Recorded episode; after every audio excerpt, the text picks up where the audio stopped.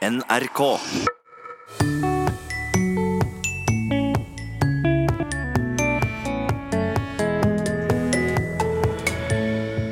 Har satt fyr på den danske valgkampen med grov ordbruk og provoserende retorikk. Islam er den dummeste og tåpeligste religion i verden, og øh, profeten Mohammed var en morder, en pedofil og en idiot. Vi ser nærmere på Rasmus Paludans metode. Jeg kaller det provokasjonsretorikk, fordi det som helt åpenbart er at det har et formål, nemlig å provosere. Hva er egentlig et morsmål, spør lytter. hva et morsmål er, og hva det betyr for folk. Og om en kan ha flere morsmål, kan en skifte morsmål. Det er jo veldig aktuelle spørsmål, da. Vel møtt til Språkteigen. 5. juni var det parlamentsvalg i Danmark etter en lang valgkamp. Ett parti satte fyr på den valgkampen med oppsiktsvekkende språkbruk og nye retoriske grep. Rasmus Paludan, partileder i det høyreradikale partiet Stram kurs, brukte provokasjon som retorisk våpen, mener professor i retorikk ved Universitetet i Bergen, Jens Elmelund Kjeldsen. Vi skal høre mer om den, og hvilken effekt den hadde på valgkampen og på resultatet. Men først av alt, hvem er Rasmus Paludan? Jeg er Rasmus Paludan, frihedens soldat, de svages beskytter, samfundets vogter, danernes lys og partileder for Stram kurs. Dette var hans egne ord. Men eh, Jens, hva vil være ditt svar hvis jeg spør hvem er Rasmus Paludan? Ja, Det er et godt spørsmål, det kan man spørre seg selv om. Men for å være litt konkret, så er han partileder for partiet Stram kurs, som han selv har skapt. Han er advokat, men det han egentlig var mest kjent for i Danmark, var han var YouTuber. Altså Han tok opp mindre korte videoer, og så la han de ut på sin uh, YouTube-kanal. Og det han gjorde der, det var at han reiste ut til innvandringstette områder, gjerne områder hvor det bodde mange muslimer, og så rett og slett provoserte han de ved å fornærme Mohammed, ved å fornærme de og kaste om seg med, med fornærmelser og ukvemsord. Og så tok han det opp på video, særlig når disse menneskene da ble veldig sinte og reagerte tilbake.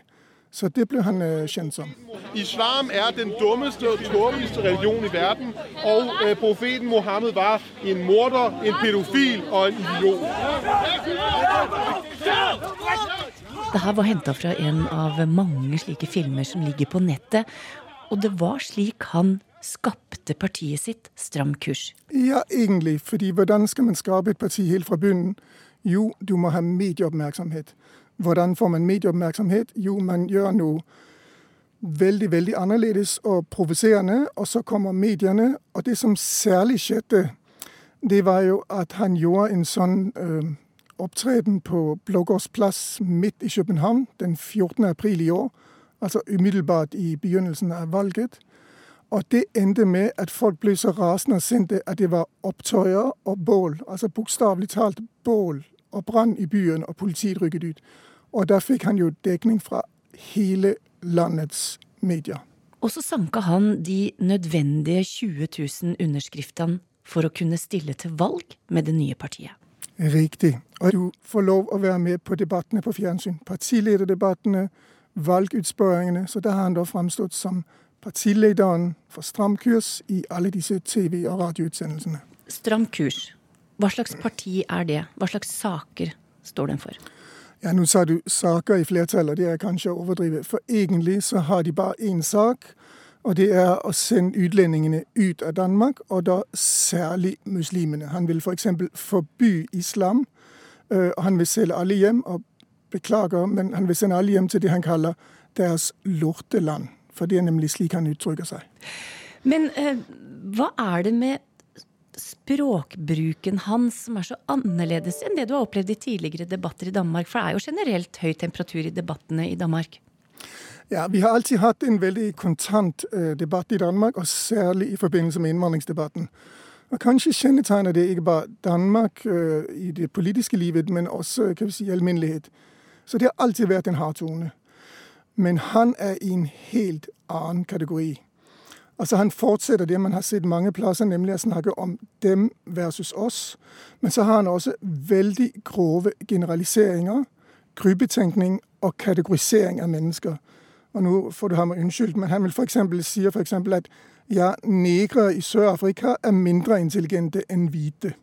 Han sier at muslimer er dovne, øh, de er pedofile. Så han har denne type kategorisering av mennesker og nedverdigende kallenavn. Eksempel så har han kalt innvandrerne for hottentotter. Han har kalt en tidligere veldig kjent dansk politiker for et nazisvin. Og så har han i alminnelighet sånn grovt språk. Så det er ikke bare du har en hard tone, men du har en tone som er ekstremt nedverdigende, kategoriserende og utrolig grov.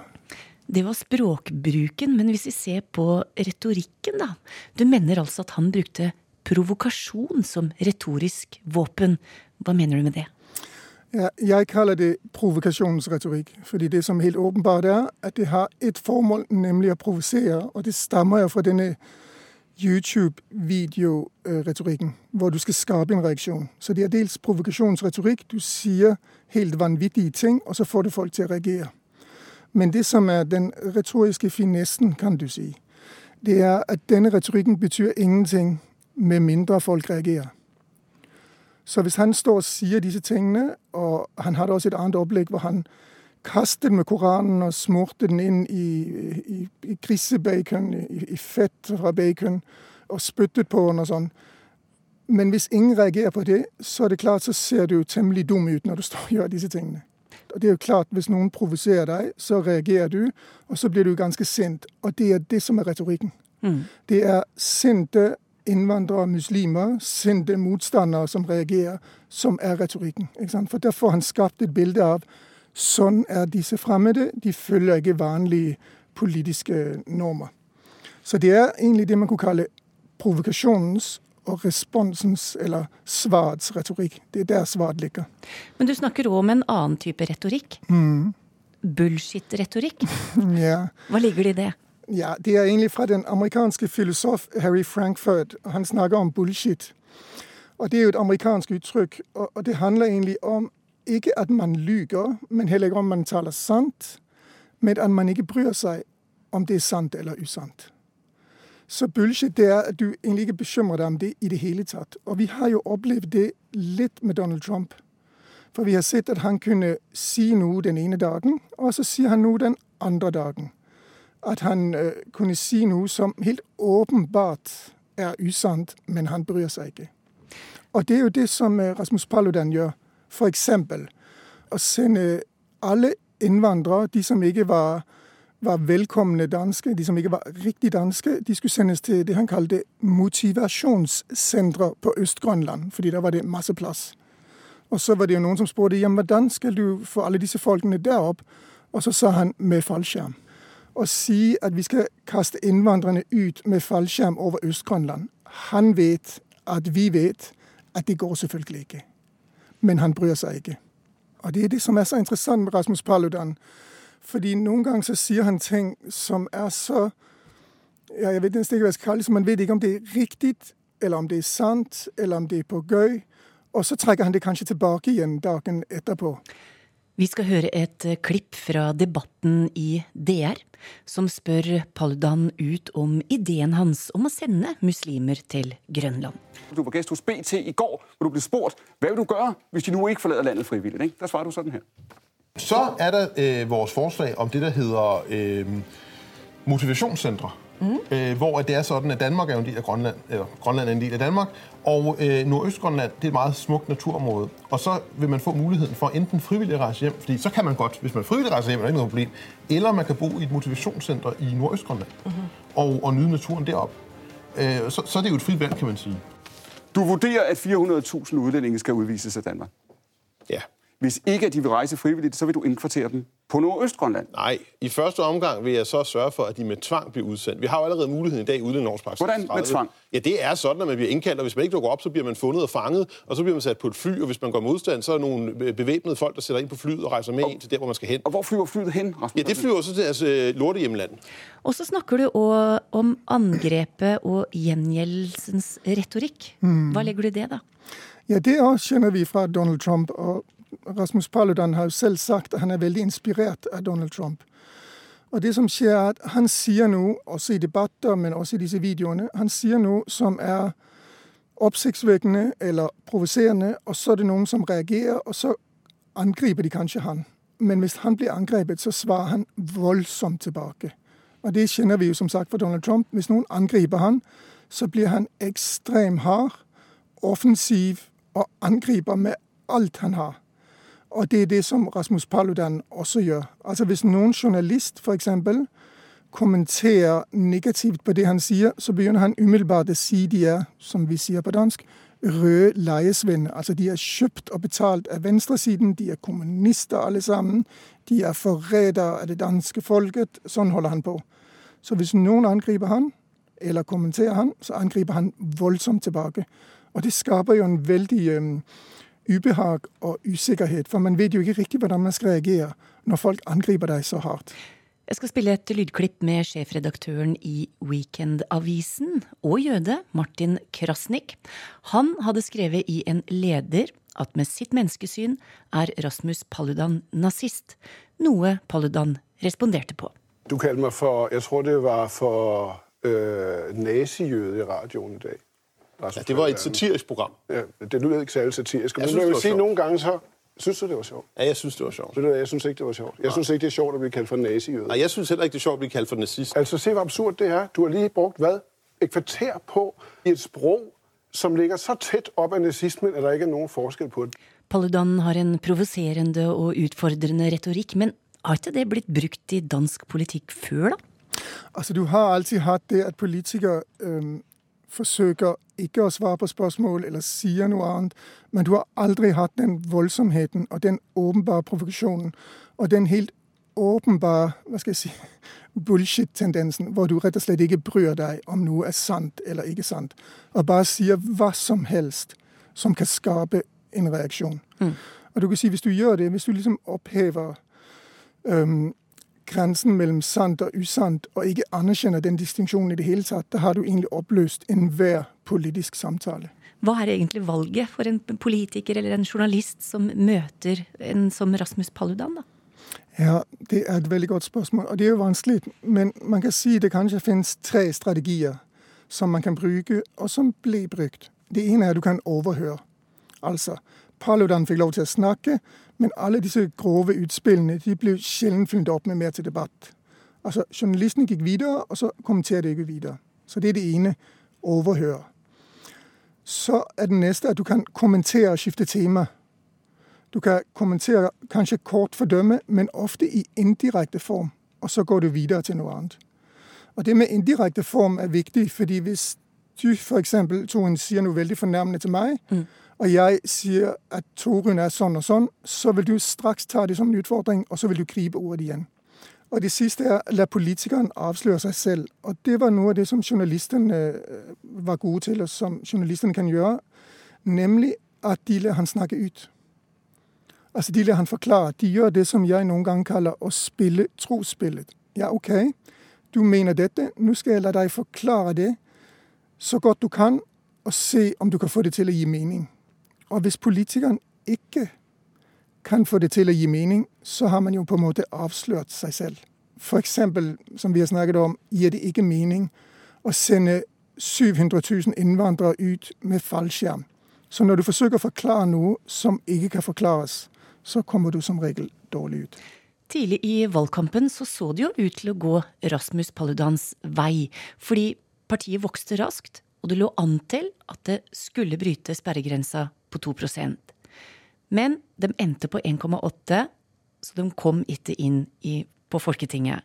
Så hvordan fungerte retorikken hans? Nei, Den fungerte som forventet i utgangspunktet, nemlig at mye oppmerksomhet gir tilstrømning. Men i lengden så gikk ikke det. Og den danske statsministeren, som nå kanskje kommer til å gå av, Lars Løkke Rasmussen, var veldig opptatt av Han ville ha en lang valgkamp.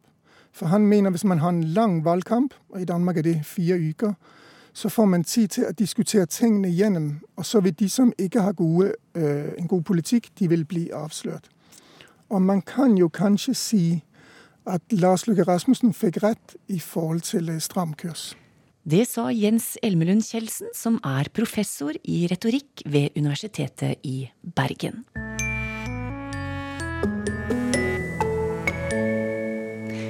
Det skal fortsatt handle om et flerkulturelt samfunn. For for noen uker sia fikk vi inn et spørsmål til Språkteigen fra en fastlytter. Hva kan egentlig kalles morsmål i et land som blir stadig mer multikulturelt? Er morsmål det første vi lærer, eller kan vi velge sjøl hvilket morsmål vi vil ha?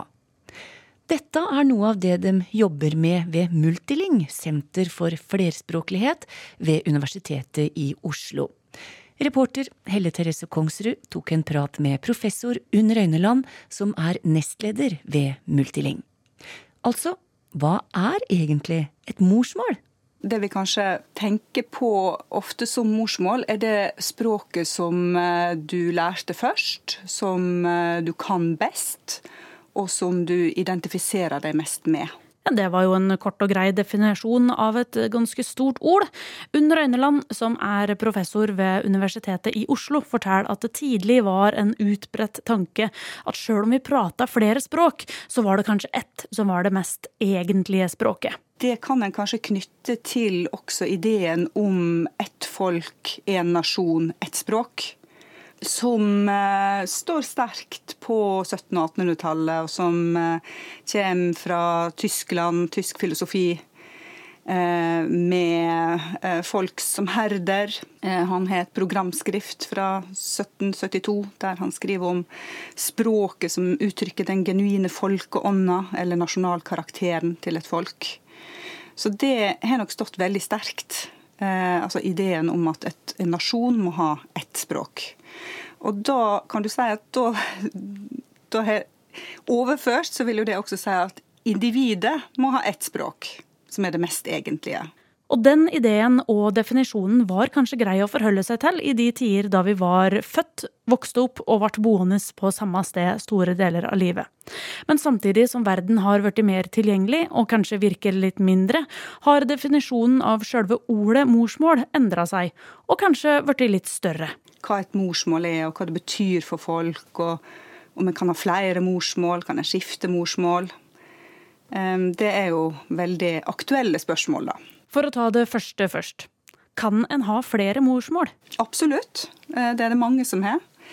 Du kan si at eh, akkurat eh, termen, begrepet morsmål, har kanskje kommet litt i miskreditt, selv om det fortsatt blir, blir brukt. Både i dagligtale og i forskninga. Men en snakker gjerne om førstespråk. Man kan ha flere førstespråk. En kan vokse opp både to- og flerspråklig, og lære to, tre, fire språk parallelt. Så da kan man si at det der er, der er ikke ett språk du lærte først. Men eh, også spørsmål om eh, det språket du kan best. Det er kanskje ikke heller eh, helt dekkende alltid. Um, fordi en kan jo tenke seg at, um, at en ikke lærte det som var morsmålet Eh, altså i betydning eh, foreldra sitt språk.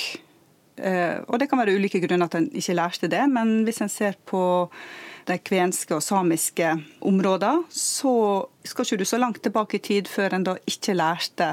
Foreldre ville ikke eh, lære ungene samisk og kvensk, for det var så stigmatiserte, undertrykte språk ikke sant? Mm. etter fornorskningspolitikken. Eh, sånn at eh, Kanskje vil en likevel tenke på det som morsmål, som noen identifiserer seg sterkt med, men som en kanskje ikke kan så godt. Og Det kan også gjelde innvandrere, eh, som opplever at språket deres ikke har noen verdi i det nye samfunnet der de eh, har slått, slått seg til.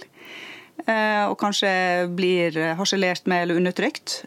Og at en dermed ikke bruker eh, morsmålet i heimen, eller lærer det vekk til ungene. Kanskje mm. bruker det bare internt i familien. Og Da kan det jo være en følelse av å, å ha blitt eh, frarøva det. da.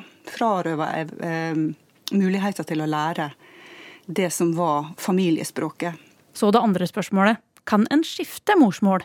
Ja, eh, i alle fall i den forstand at hvis du tenker på på kompetanse, altså at det er det språket du kan best, så kan du jo definitivt eh, skifte gjennom livet. Hvis en tenker på folk som emigrerer. En nordmann som flytta til, eh, til USA som 16-åring, og som etter hvert eh, føler at han behersker engelsk bedre enn norsk, f.eks. Så da kan en jo forstå at eh, mye handler om definisjon, om hva du identifiserer deg med, det første språket du lærte, eller det faktiske språket som foreldra dine prater. Ja, og, og funksjon også. Ja. Alle de, alle de, fire komponentene der er, sentrale. Og det kanskje aller viktigste vil jeg si, er identifikasjon. For det, det, kan godt hende at du ikke kan det så godt. Eh, at du kanskje ikke bruker det så ofte heller, men allikevel så har du en, Eh, en sterk følelse av eh, identifikasjon med det språket. Så viktig er morsmål for oss at Unesco har en egen internasjonal morsmålsdag som feires den 21. februar hvert år. Og den henger veldig nært sammen med identifikasjon. Den eh, internasjonale morsmålsdagen ble nettopp Eh, innstifta eh, til minne om bengalske studenter som døde i kampen for å få bengali anerkjent som offisielt språk. Så det kan vi jo ta med oss at det slett ikke er like selvfølgelig for alle å kunne plapre i vei på det språket som ligger sitt eget hjerte nærmest. Så må vi huske at sjøl om definisjonen av ordet morsmål er noe endra, så er det ikke noe nytt at vi prater mange språk i forskjellige anledninger. Det er et sånt fint uh, hyldningsdikt til Ludvig Holberg som Christian Wilster uh, skrev. Og der, eh, der, sier han hver mann som med kløkt gikk i lærdom til bunn, latin på papiret kun malte, med fruene fransk og tysk med sin hund, og dansk med sin tjener han talte. Det sa professor Unn Røyneland ved Multiling.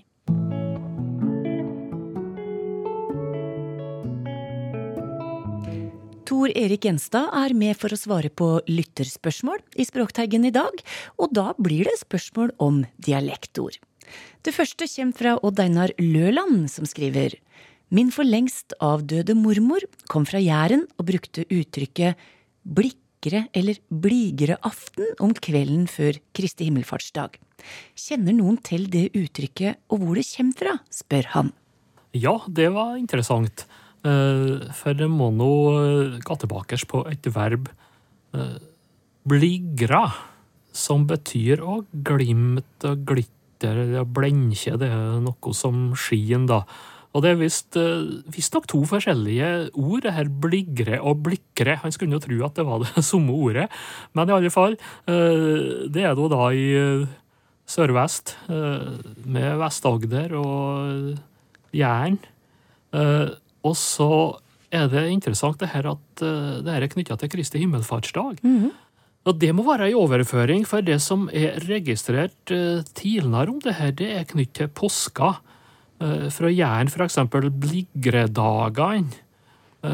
Skjærtorsdag og langfredag.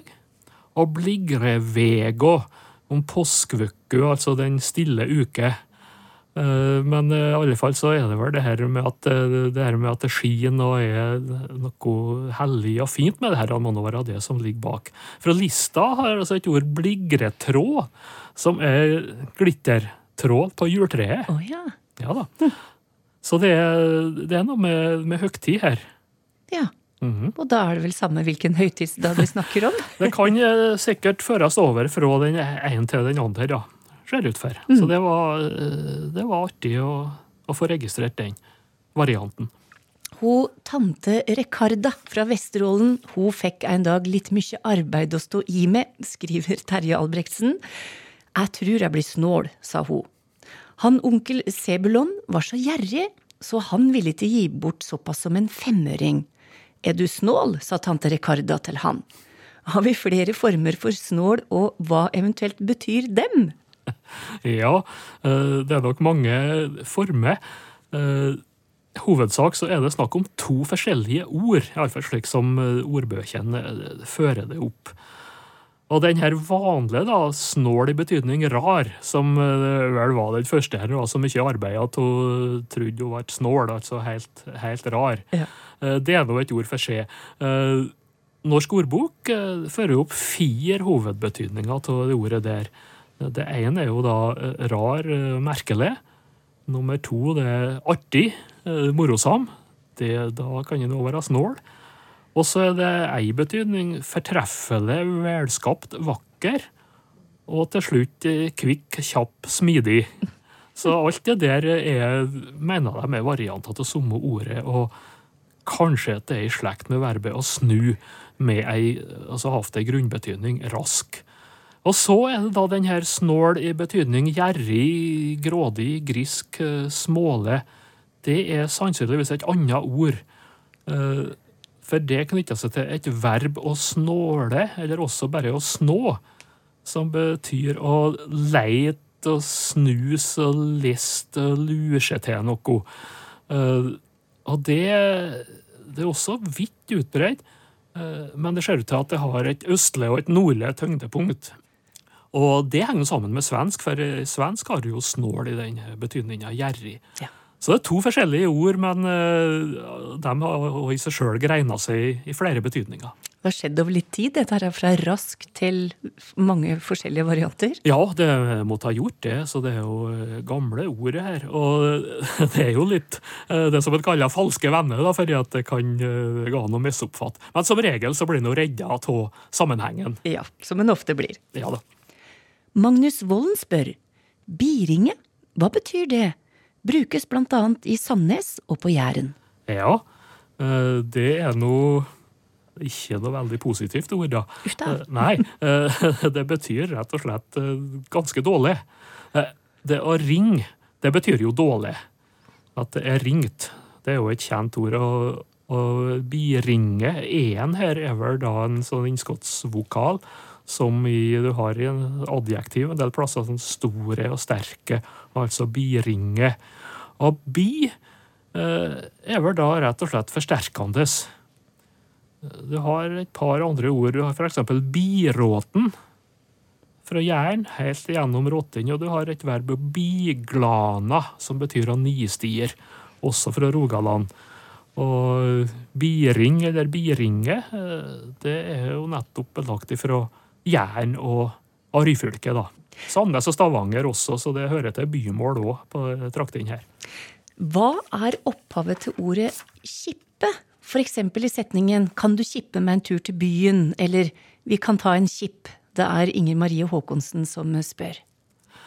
Ja, det her må jo være ei videre utvikling da, av det her mer vanlige å kippe, som betyr å rykke eller nappe, flytte i små røkk. Det er noe kanskje det mest vanlige med å kippe. og Du kan jo kippe på deg en sko, ikke sant? Mm -hmm. Når du kjører i kippevending, så deler du opp og frakter ting i flere små vendinger. Og nei, du har nå både verbet kippa allerede i norrønt, og du har substantivet kipper, som da betyr et røkk eller et napp. Det kan jo bety en stykk, altså at en får en kipp i seg. Altså Her er det da vel overført til en, en snartur, rett og slett. Men Kan det ha noe med at ting skal gå litt uh, raskt for seg? At en skal kippe på seg skoen, en skal ta en kipp inn til byen? Det er det felles det at det er noe kjapt, ja, Ja. som blir fort ferdig med. Mm. Det ble siste svar i dag, det. Takk til deg, Tor Erik Gjenstad. Har du spørsmål om dialektord eller andre språkspørsmål, så skriv gjerne til oss på teigen krøllalfa nrk.no. Vi er på plass igjen neste uke. Takk for i dag. Ha det bra.